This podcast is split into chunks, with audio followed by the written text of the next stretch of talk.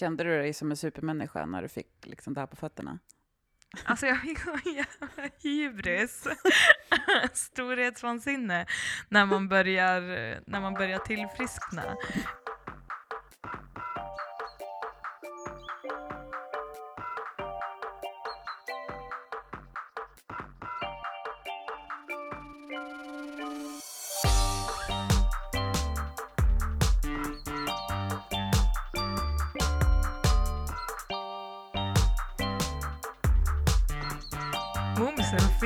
Filibabban. Nu snackar vi. ja, men vi kör igen då. Ja, det Ja. gör vi. Så här var det ju. Du och jag träffades ju för strax innan helgen Ja. eh, och hade ett jättefint samtal. Vi hade typ hängt i flera timmar. Ja. Det började med en klipptid Mhm. och sen gick vi hit, drack lite vin, Champagne. champagne Ja. eh, och spelade in det här poddavsnittet. Men sen när jag skulle redigera det så hade jag ju fuckat upp allting. Men det blir så ibland. Ja. Jag är för övrigt inte förvånad över teknikstrul när jag är i närheten. Jag gillar Det- att du tar på dig det här. Ja, ja, ja, till fullo. Ja, nej, men det var faktiskt... Den här tekniken är ju lite ny för mig. Så nu gör vi om det helt enkelt. Ja, För vi vill ju ha bra kvalitet. Absolut. Men då kan vi börja med att varför jag var hos dig. Det är ju för att du är min frisör. Ja, Ja, min bästa frisör. äsch då. Hela Umeås frisör. Ja, nej, inte riktigt. Men ja, Nästan alla man pratar med har ju, går ju hos dig, hos dig eller i alla fall på Wow. ja men vi... Jag är inte sponsrad. nej, men du är ju som en del av, av wow. Det vet du ju. Jag känner mig väldigt hemma där. Ja, det ska du göra. Vi Mm. gillar det. Mm. Det, det är vårt bästa eh, när kunder känner sig hemma och trivs och eh, känner sig som, som välkomna och ja, men som hemma. Mm. Och så har ni ju gott kaffe. Ja, vi har ju det. Det, är ju, det sa ju även din son Mm. Julian. Julian. Han älskar våran cappuccino. Han älskar en cappuccino. Det är kanske där hela hans här kaffeberoende började. Kan vara. Ja, fast han gillade det kanske innan, innan han fick smaka, men nu, nu är det varje morgon. Ja, äh, men det är, det är ett plus med jävligt bra kaffe. Mm. Man får jättegärna komma och bara dricka en kopp kaffe och hänga med oss. Det är ju supermysigt. Ja, vi gillar sånt. Mitt andra hem och, Mm-mm. och nu alla andras andra hem också. Men du, vad, vad pratar man om när man sitter hos frisören? Mm, det är ju väldigt olika. Ehm, livet i allmänhet. Eller så är man bara tyst. För det här, det här minns jag att vi pratade om förra gången. Ja. Att jag, jag blir så stressad av att ni har det tyst när ni sitter där. För jag är en sån som, jag är ju extremt pratig när jag är hos dig. Mm. Men det är ju bara olika hur man... Och jag, jag pratar ju väldigt mycket när jag har det i stolen Mm. också. Men sen så kan jag känna att många, man, man lär sig känna av, känna in kunder, vad man vill, vad man vill ha. Vissa kommer och bara vill ha en, en tyst och lugn timme. Mm. Och det kan ju en annan behöva ibland också. Men har du någonsin varit med om att någon säger så här, jag vill, jag vill bara vara här och vara tyst, jag vill inte prata? Eller är det som bara? Nej, nej jag har aldrig, det är aldrig någon som har sagt så. Ehm, men jag har däremot haft kunder som har sagt när de går att de så uppskattade att jag inte pratade så mycket.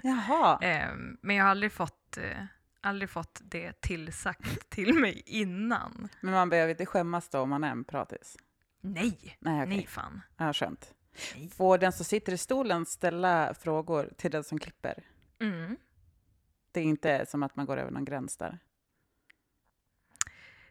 Om man tror att man har gått över en gräns, då, ja, då har man kanske gjort det. Men, eller det beror ju också på vilken relation man har, Mm. frisör och kund emellan, Mm. tänker jag. Vissa får man ju en väldigt, eh, eh, liksom, väldigt personlig relation med.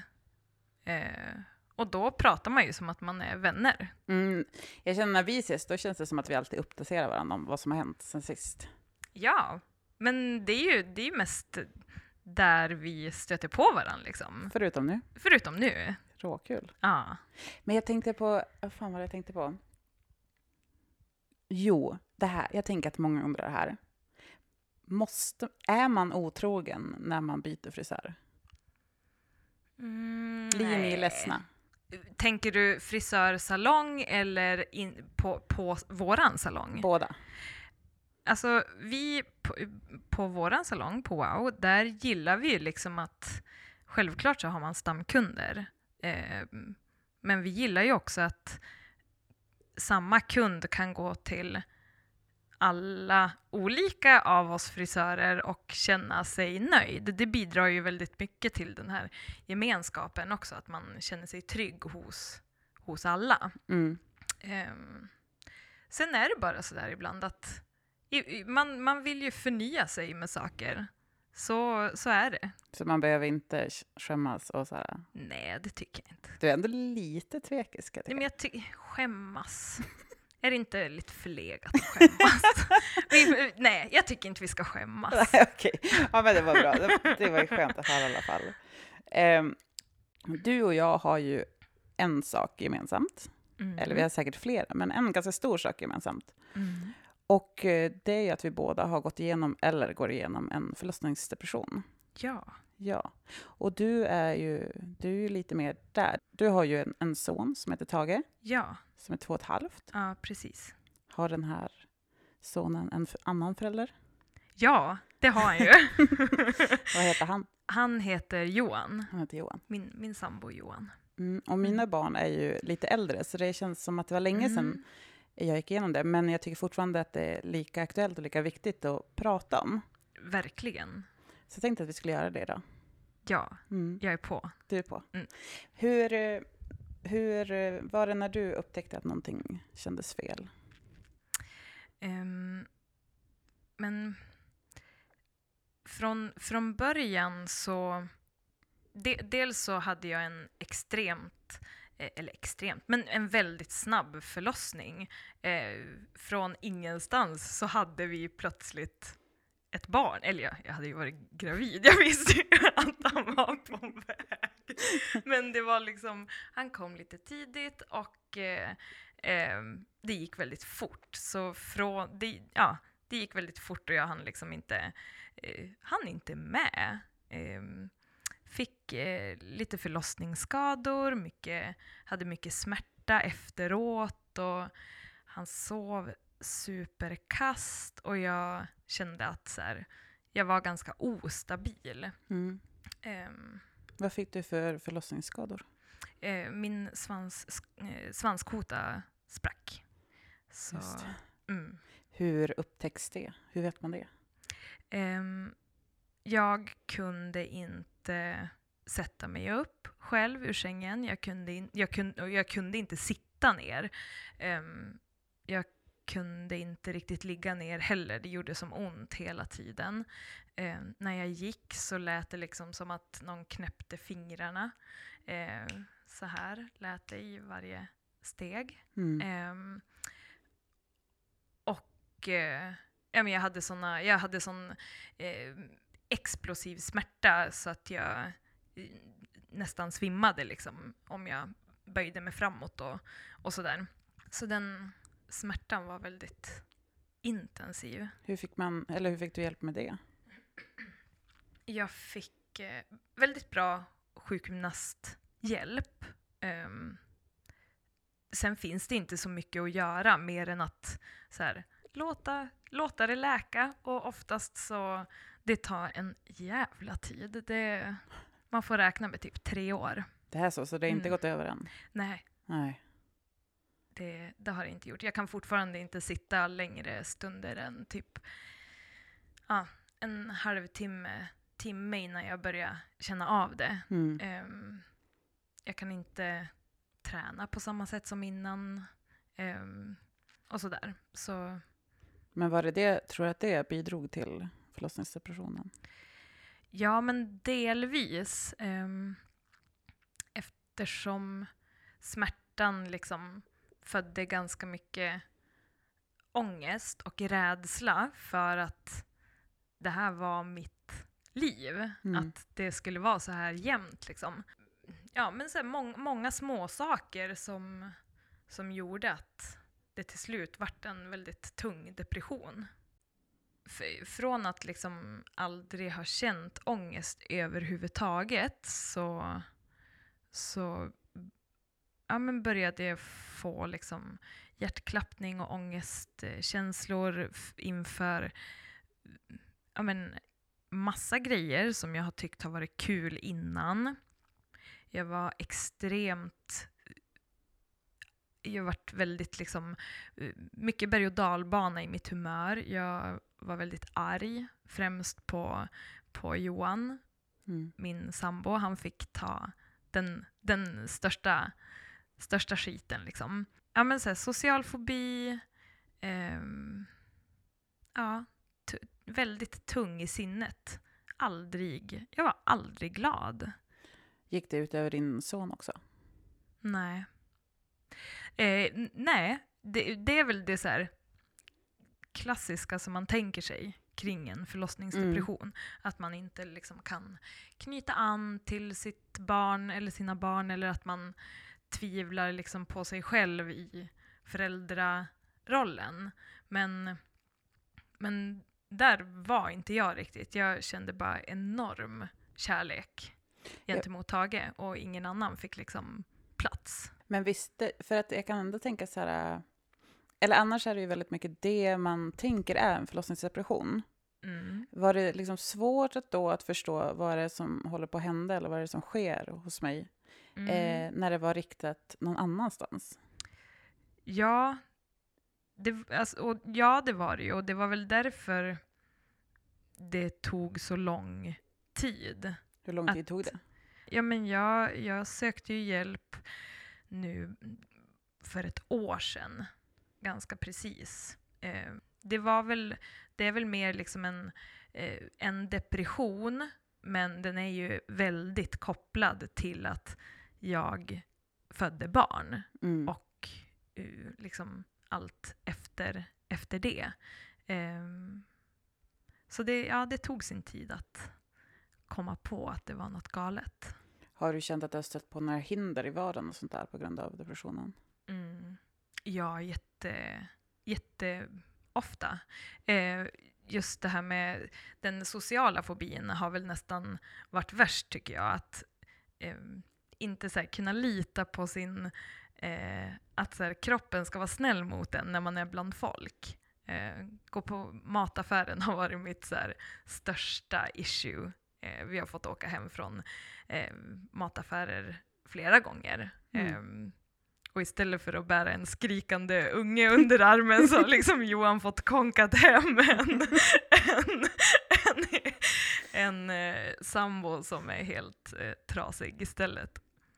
Men har han, eh, hur har han varit som stöd under det här? Han har varit ett bra stöd.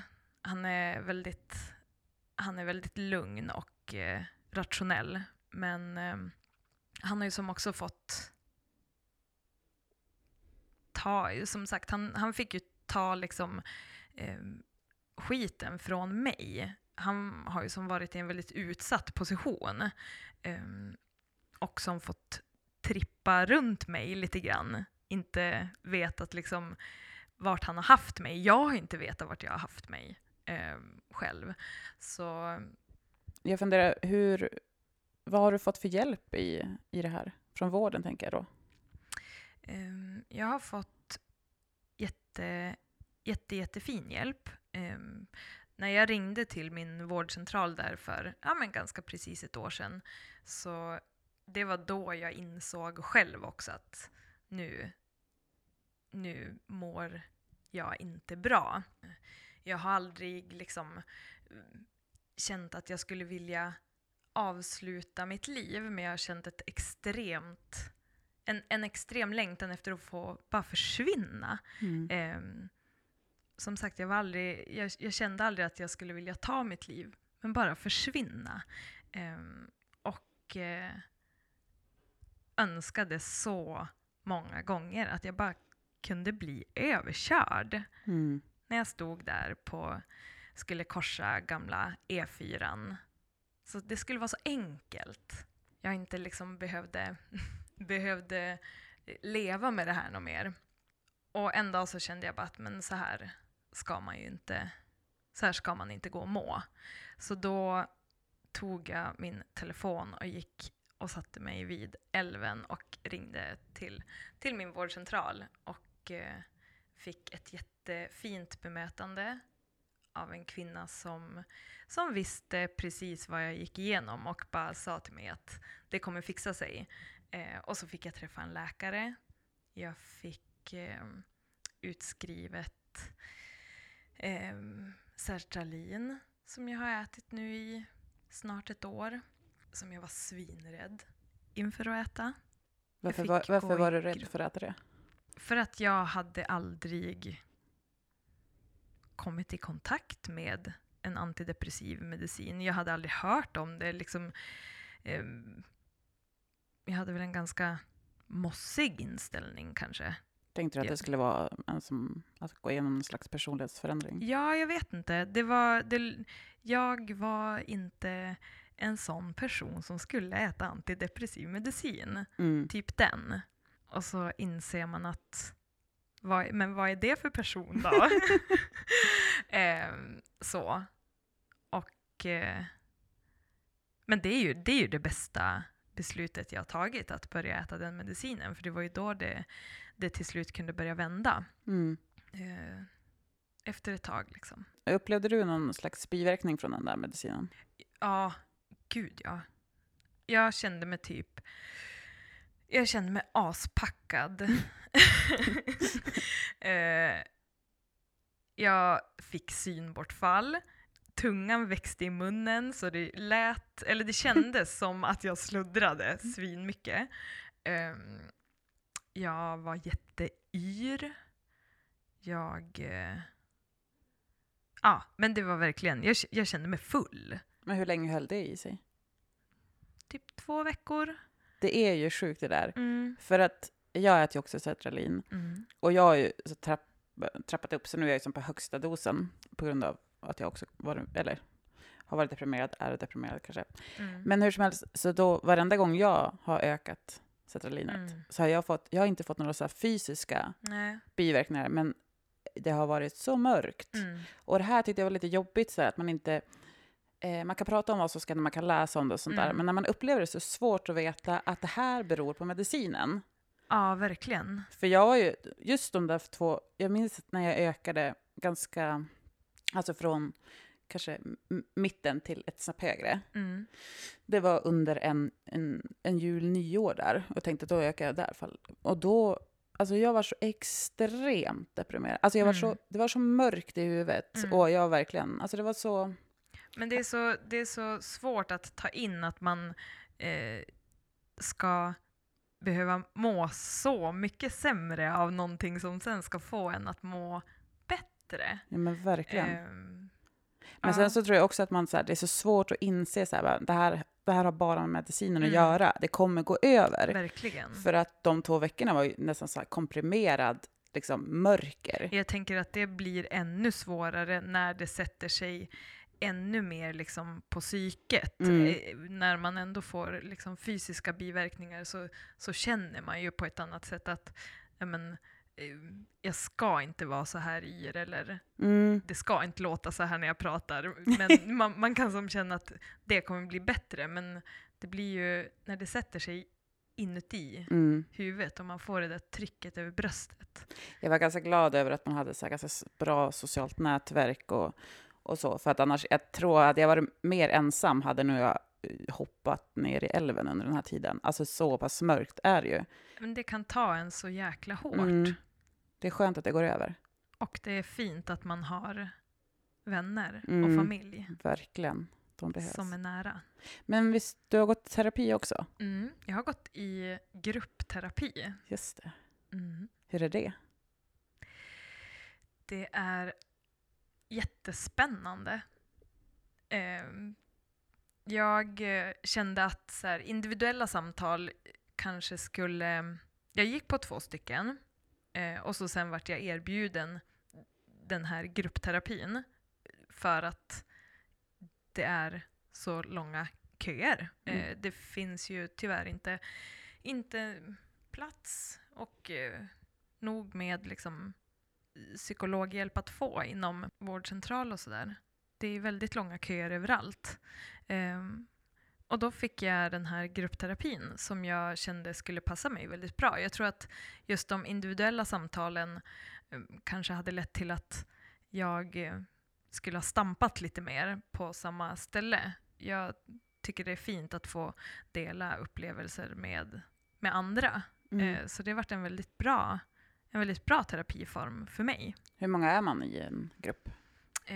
Jag tror att vi var, vi har varit eh, kanske sju som, som mest. Mm. Ehm, och det är en grupp som liksom är, vi, vi har haft det så att vi har haft det återkommande. Ehm, vi hade det då en gång i veckan, tror jag att det var.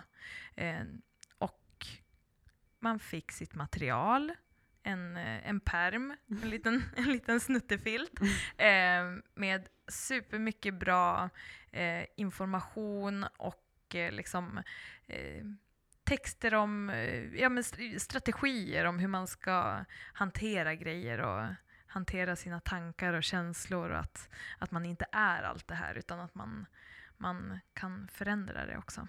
Kände du dig som en supermänniska när du fick liksom det här på fötterna? Alltså jag fick sån jävla hybris, storhetsvansinne, när man börjar, när man börjar tillfriskna. Eh, eh, ja men det är ju råfint att ha. Mm. jag tycker det är roligt att det är så här, att man, man känner sig så jävla liksom med. Att, bara, Ja, att, att man har svar på allt Ja, och ja, allting är liksom gud, så här, jag vet exakt varför det här händer, eller nu när jag Ja. reagerar så här. man bär med sig de här texterna i bakhuvudet. Så här, Mm. det här är den associationsrika hjärnan som påverkar dig nu, det är okej. Jag, hur, hur fick Johan smaka på, på hybris, Elina? Mm, ja, alltså han, har- han, han har bara fått eh, hänga med. Det är ju, jag antar att det är ganska, det, ja, det är jobbigt att leva med en person som är deprimerad och sen är det jobbigt att leva med en person som genomgår en terapi också. Vart är du nu då? Vilken Elina är det han har nu? Men nu har han en eh, ganska vanlig Elina. Jag börjar vara tillbaka, eh, jag har mycket bakslag. Mm. Små, så här, små bakslag eh, som jag ändå kan hantera. Men eh, jag är tillbaka och liksom känner igen mig själv. Och jag ser mig själv igen när jag, när jag liksom tittar mig i, i spegeln. Mm. Och jag, jag känner mig som mer nöjd i mig själv. Under depressionen så var det som ingenting som var, var riktigt bra. Men hur gick det att jobba och sånt? Det, gick, det var ju det som gick absolut bäst. Ehm, det var, jag, hade, jag hade mycket liksom, eh, ångest på jobbet, absolut. Men det hade ju mer med då den här, att jag skulle hantera den här sociala ehm, fobin. Liksom. Men att få gå till jobbet och träffa mina kollegor och mina, mina kunder, det var ändå så här, det var det som höll mig på, på fötter. Eh, och har varit en stor del i, en väldigt stor del i mitt tillfrisknande. Så har det varit. Mm. Gud vad skönt. Det känns ju annars lätt som att man så isolerar sig och inte orkar med jobb och folk Mm. på ett annat sätt också. Ja, så, så är det väl lätt att det blir, men jag vet ju att hade jag till exempel varit sjukskriven, då hade jag ju gått in i mig själv alldeles för mycket Mm. och liksom inte, eh, då tror jag att jag hade haft svårare att komma, komma ur det. Mm. Tror du du kommer vilja ha fler barn? Mm, jag vet inte. Vi, vi har pratat om det någon gång sådär, men det är som, jag, jag känner mig självklart lite rädd. Mm. Jag, eh, jag vill inte gå igenom det här en gång till, även om jag har blivit väldigt eh, liksom ödmjuk inför hur man kan förändras som person. Liksom. Så jag vill inte gå igenom det här en gång till. Och eh, ja, men skulle jag få, skulle jag få eh, bara föda barn utan att vara gravid och inte ha förlossningsskador eller depression, då kan jag föda hur många barn som helst. Det är ju coolt i och för sig. Du, det, jag nämnde ju tidigare att jag också fick förlossningsdepression, men min skiljer sig ju av skiljevärlds, vad heter det, avsevärds, avsevärds från din upplevelse. Ja, du kände ju mer att du inte kunde knyta an till till dina barn. Ja, verkligen. Alltså jag tror inte att jag var en, en ett monster mot deras pappa. Eh, däremot la jag extremt mycket ansvar på honom. Mm. För att så fort han kom hem så, så drog jag åt tacobuffé. Mm. Till exempel, och höll mig borta jättelänge. För jag hade, eh, jag hade jättesvårt för att förstå att det var mina barn. Mm. Som att det var mina och att jag var en mamma nu. Det, Vad tror du att det berodde på? Eh, jag tror att det berodde på att för det första så var jag inte helt... Det tog ett tag innan jag ens ville ha barn. Jag tänkte mm. att jag mm. skulle bara vara en moster och faster mm. hela mitt liv. Eh, men sen så var det som fram och tillbaka, fram och tillbaka. Och så när vi väl bestämde oss för att försöka skaffa barn så vart jag gravid på direkten. Mm. Och eh, det tänkte jag skulle vara lätt med så en, liten, en liten dotter som bara kunde hänga med.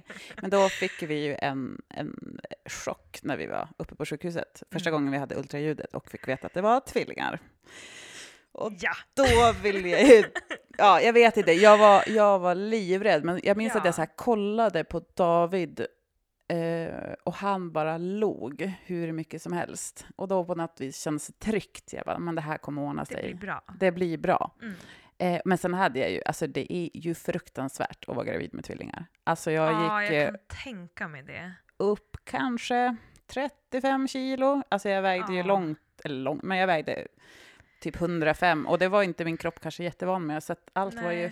Alltså folk stannade och tittade och tutade på mig för att jag var som Men alltså kan vi, inte, kan vi inte bara stanna vid det här med vikten ett tag? ja, alltså, det kan vi göra. Vad har, för folk, vad har folk för problem med gravidas viktuppgång eller icke viktuppgång och den nyförlösta mammans viktnedgång? Jag gick inte upp särskilt mycket. Eh, jag gick upp 10 kilo. Mm sen när Tage var kanske fyra, fem månader så hade jag gått ner 20 kilo. Okay. Eh, vilket var, det var ju säkert en, en bidragande orsak till att jag liksom sjönk, sjönk så djupt i depressionen också. Liksom. Eh, men jag hatade ju det. Mm. Jag gjorde allt för att försöka gå upp i vikt. Och alla bara matade mig med hur positivt det var att jag hade tappat alla gravidkilon. Jaha, okay. Och att liksom jag att jag var så smal efter att ha fött barn. Tyckte att du var duktig? Tyckte hade... att jag var mm. duktig. Och det är så jävla tragiskt att man så här, kan, man, kan vi inte så låta bli att behöva vara duktiga? Verkligen, jag håller I alla fall när vi nyss har fött ut ett barn. Men samma sak gäller ju när man blir gravid, alltså även på de här kollerna på BVC. Ja. Där är det också bara, nej men nu har du ökat lite för mycket. Man bara, men alltså jag är ah. gravid, låt mig äta praliner från morgon till kväll. Ja, verkligen. Någon gång i mitt liv utan att någon lägger sig i. Ja. Men det, så var det också, de var ju super, det finns väl en anledning till det, men det är ganska så här, vad heter det, man skammar dem ganska mycket, när man, eller en själv, när man ja. känner att nej men jag, jag är fan, att hela min kropp förändras, jag går igenom någonting för första gången och jag får inte ens äta som jag vill. Nej, och all, och det är inte bara så här vårdpersonal med liksom någon form av eh, så här, kunskap i ryggen som är på en, utan det är liksom, man möts ju av de här små grejerna som gravid hela tiden, mm. av alla, av främlingar. Ja. Det är sjukt. Kan vi inte bara så här komma överens om att främlingar låter främlingar vara? Speciellt under en graviditet. ja, men eller så vi kommer bara överens om att låt, låt Låt oss vara. gravida, låt, låt alla bara vara Vi låter bara alla vara. låt bara alla vara som de är. Eh, Elina, jag har en grej kvar innan jag ska släppa iväg dig till och hämta din son. Ja, Och det är tre snabba frågor. okej. Okej? Och, och nu ska man låta som en intressant person när man Ja. svarar på. Fan. Det är superviktigt. Okej. Mm, du kan ju tänka att jag skulle ha valt typ så Kim Kardashian i varje, och det är ju faktiskt väldigt, väldigt hög standard på Jag intresse. ser, jag ser henne där i bokhyllan. Ja, hon är lite överallt här. ja, men okej. Mm. Vilken historisk person skulle du vilja gå på dejt med? Det är så sjukt svår fråga. Men typ... Um, Coco Chanel skulle ju inte gå av för rackor. Vad skulle ni göra? Eh, dricka saker med bubblor i Mums. och typ ligga i en säng och eh, bara chitchatta. Mm, vad tror du ni skulle prata om? Bara livet. Mm. Mysigt. Ja. Okej. De tre bästa serierna genom tiderna. Jag kommer ju aldrig ihåg vad jag har sett. Eh, här kommer min sambo förstå vad jag pratar om. Eh, jag kommer typ bara ihåg att jag har sett True Detective. första, första säsongen av True Detective var bra, andra var skit, men första var bra. Så det får vara svaret på alla På tre. alla tre? Men jag kommer som inte ihåg saker jag sett. Va? Är det sant? Nej. Finns det inget tv-program som har så här... Ja, men... Ja, det ska väl vara På spåret då. På... s- ja, hon, hon är ganska ung den här tjejen ändå. Men... Ja, nej, men På spåret. Okej, kan du säga... Nu får du svara långt, men Mm. vem är din favorit På spåret-person då? min favorit På spåret-person. Och nu, det blir ju nu så här att man glömmer alla som någonsin Mm. har varit med. Eh, jag kommer fan inte på en enda än. Vad, vad tyckte du Jag om. Kakan då? Ja, men såklart! Kakan och pappan. Kakan och pappan? Kakan och Ja, pappan. de är härliga. Ja. Och sista då. Mm. Vad finns i din bokhylla? Ehm, där är det ju också då att jag kommer inte ihåg vad jag läser. Så det finns ju lästa och olästa böcker. Eh, en avgjutning av mina tänder. Varför? Eh, för att min kompis är tandtekniker och gjorde en, en avgjutning och en blekskena. Men gud. Ja. Eh, och så finns det massa fina saker. Pryttlar. Men alltså det här med tänderna. Mhm. Det är, är det för att din mun är så stor? Och nu inte jag, säger inte jag så här för att vara taskig, utan Elina kan faktiskt stoppa in hela sin knytnäve i munnen. Ja, Ja, det är ju sjukt. ja, men jag tycker inte att det är så sjukt. Ja, fast det är ganska sjukt. Men jag har jätte, jättestor mun och ganska små händer. Det är som en... Men man ser inte att du har så stor mun. Nej. Nej. Jättestor. Ja. Och med de orden så tror jag att vi tackar för idag. Vad kul det var att hänga. Men detsamma. Hej då! Hej, hej!